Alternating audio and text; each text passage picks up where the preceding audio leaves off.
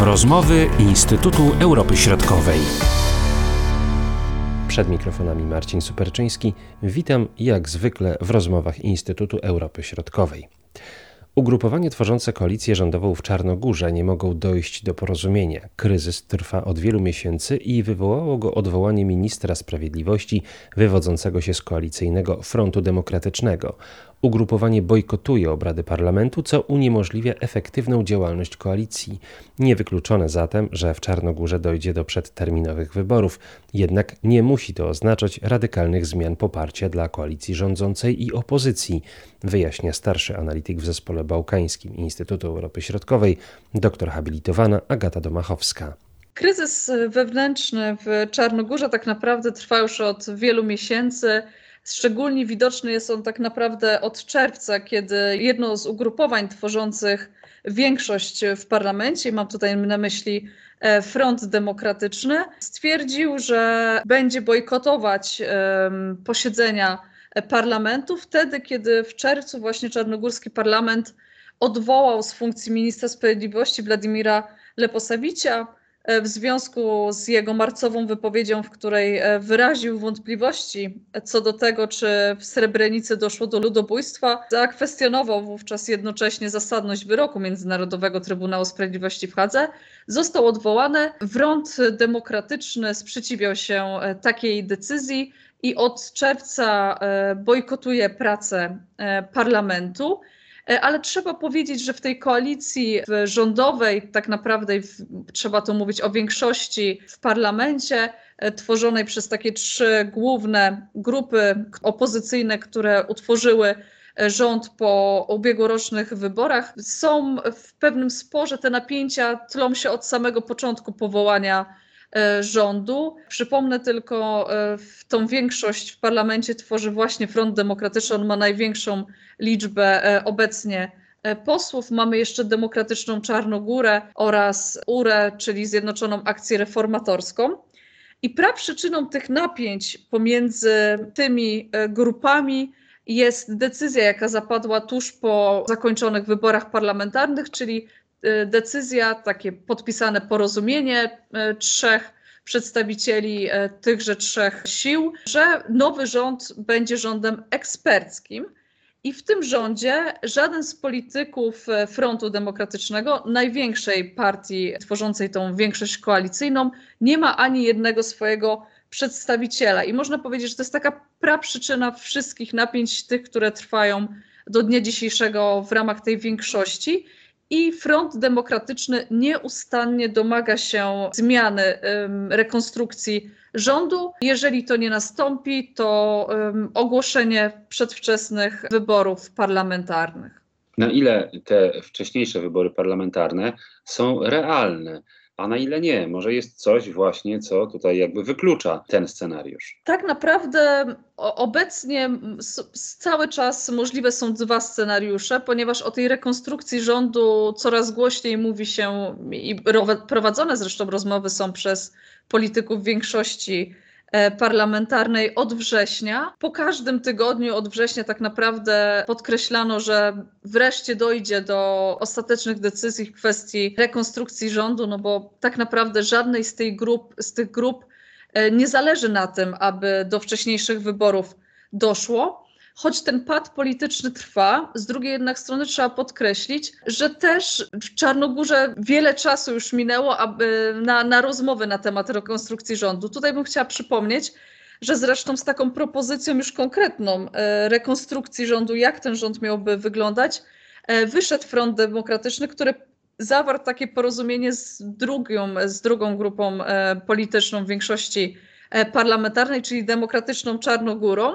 E, oni zaproponowali mianowicie, że nowy rząd ma, być, składać, ma się składać z 18 ministerstw, czyli więcej niż ten obecny rząd, który składa się z 12 ministerstw oraz trzech wicepremierów. Co więcej, połowa tek ministerialnych powinna trafić właśnie do frontu demokratycznego, natomiast druga połowa powinna być podzielona na te dwa pozostałe ugrupowania, czyli URE i Demokratyczną Czarnogórę. To było ciekawe, że te dwie partie się zgodziły i zawarły takie porozumienie co do kształtu e, nowego e, rządu i niejako zmuszony odpowiedzieć na taką propozycję premier Krivokapis, zaproponował faktycznie dokonanie rekonstrukcji rządu pod koniec września.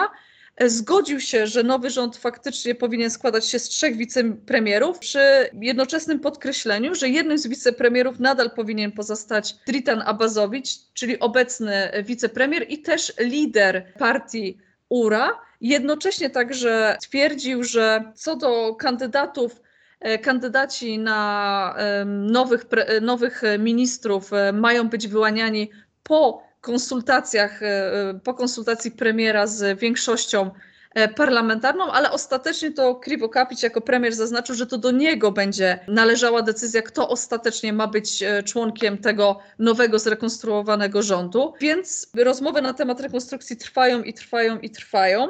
Żaden z tych podmiotów tworzących większość e, koalicyjną, większość parlamentarną, tak naprawdę nie chce tych przed, przedwczesnych wyborów, bo one by tak naprawdę, jak pokazują sondaże opinii publicznej, e, jeszcze w tym momencie zbyt wie, wielkich zmian raczej by nie przyniosły.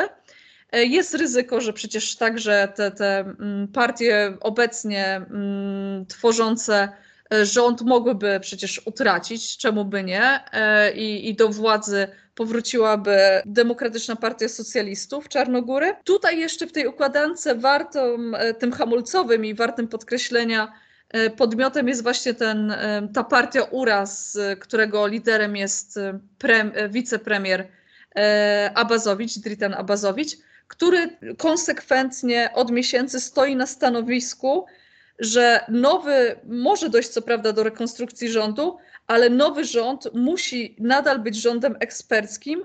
Nie mogą się w nim znaleźć politycy, bo trzeba szanować porozumienie, właśnie to porozumienie zawarte w ubiegłym roku we wrześniu, tuż po wyborach, w którym faktycznie zapisano, że nowy rząd ma być rządem eksperckim. Co jest ciekawe e, też, jeżeli się zastanowimy, faktycznie jak popatrzymy na obecny rząd Czarnogóry, to tam większość członków to są e, osoby, nie, nie są członkami żadnych partii politycznych, poza właśnie wice, wicepremierem Triptanem Abazowiczem, czyli właśnie liderem tej partii URA, która sprzeciwia się stworzeniem nowego rządu, który nie będzie mieć charakteru eksperckiego. A co na to wszystko opozycja? Bo tutaj niewątpliwie jest bardzo gorąca na linii rząd opozycja, ta większość e, parlamentarna, jak widać, podzielona między sobą. Mhm. Opozycja, czyli mamy tutaj przede wszystkim trzeba podkreślić rolę e, i stanowisko e, Demokratycznej Partii Socjalistów, czyli tej największej partii opozycyjnej, która, przypomnijmy, zwyciężyła w ubiegłorocznych wyborach, ale nie zdobyła aż tyle głosów, aby mogła rządzić samodzielnie.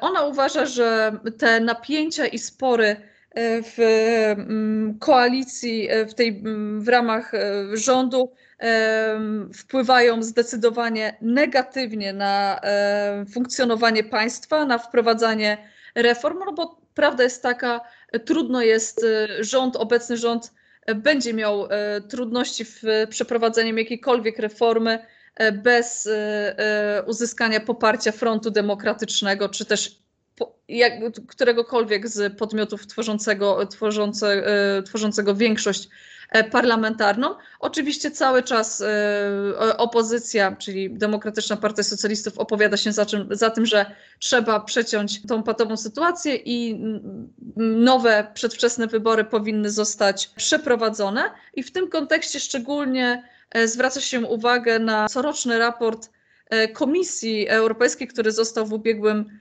tygodniu e, ogłoszony. To jest taki coroczny raport Komisji Europejskiej dotyczący procesu postępów państw Bałkanów Zachodnich w procesie integracyjnym. No i z tego raportu faktycznie wynika, że tutaj w ostatnim roku Czarnogóra nie mm, osiągnęła jakichś znaczących postępów. Faktycznie ten pad, te spory polityczne wpływają negatywnie na przyspieszenie E, negocjacji e, akcesyjnych i to jest cały czas e, też powtarzane przez, przez opozycję. Chciałabym też tutaj jeszcze podkreślić, że warto zwrócić uwagę na głosy płynące z partii mniejszości narodowych, które zasiadają w parlamencie. One także współtworzą opozycję obecnie w Czarnogórze. Premier Zdrawko Kripokapić niejednokrotnie podkreślał, że chciałby, aby w tej nowym rządzie znaleźli się także przedstawiciele E, mniejszości i zachęcał do, do, do, do rozmów na ten temat. Raczej e, należy tutaj przypuszczać, że żadna z partii mniejszości, e, czy to partia bośniacka, czy, czy reprezentująca który, którykolwiek podmiot reprezentujący Albańczyków, nie zgodzi się na wejście do nowego rządu. Zresztą rok temu też taką propozycję te partie otrzymały i wówczas ją odrzuciły, więc tutaj na pewno też rząd nie może liczyć na, na poparcie. Można powiedzieć, że e, nieduży kraj Czarnogóra, może Czarnogórcy się nie obrażą, jak to będę mówił, ale z wielkimi problemami, bo też niedawno mieliśmy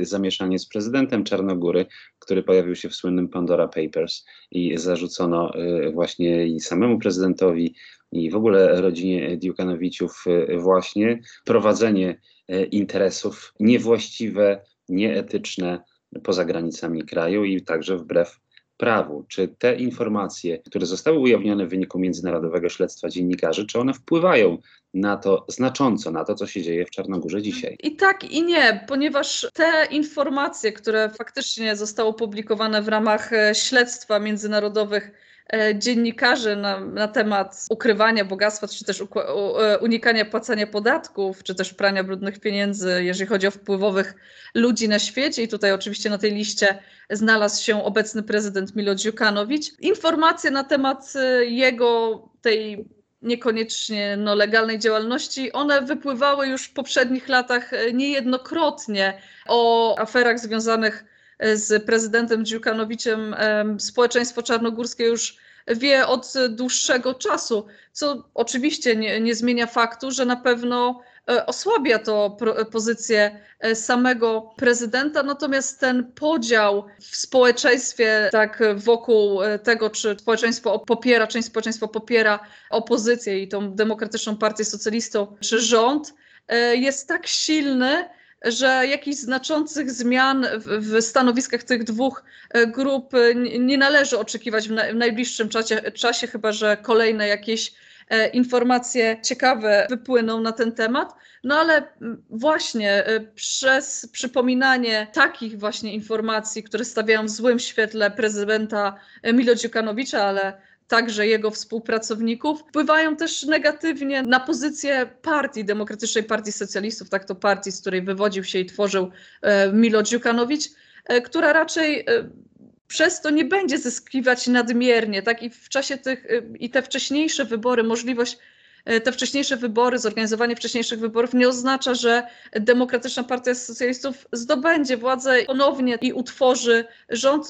Może się okazać, że wcale nie, że podobnie, że wyniki będą podobne i e, ponownie to właśnie te partie które obecnie rządzą, będą musiały dogadywać się porozumieć w kwestii stworzenia nowego rządu, więc tutaj nic nie jest, nie jest pewne. Na pewno e, Demokratyczna Partia Socjalistów też nie może być pewna tego, że powróci, powróci do władzy, jeżeli wybory miałyby się od, odbyć w najbliższym czasie.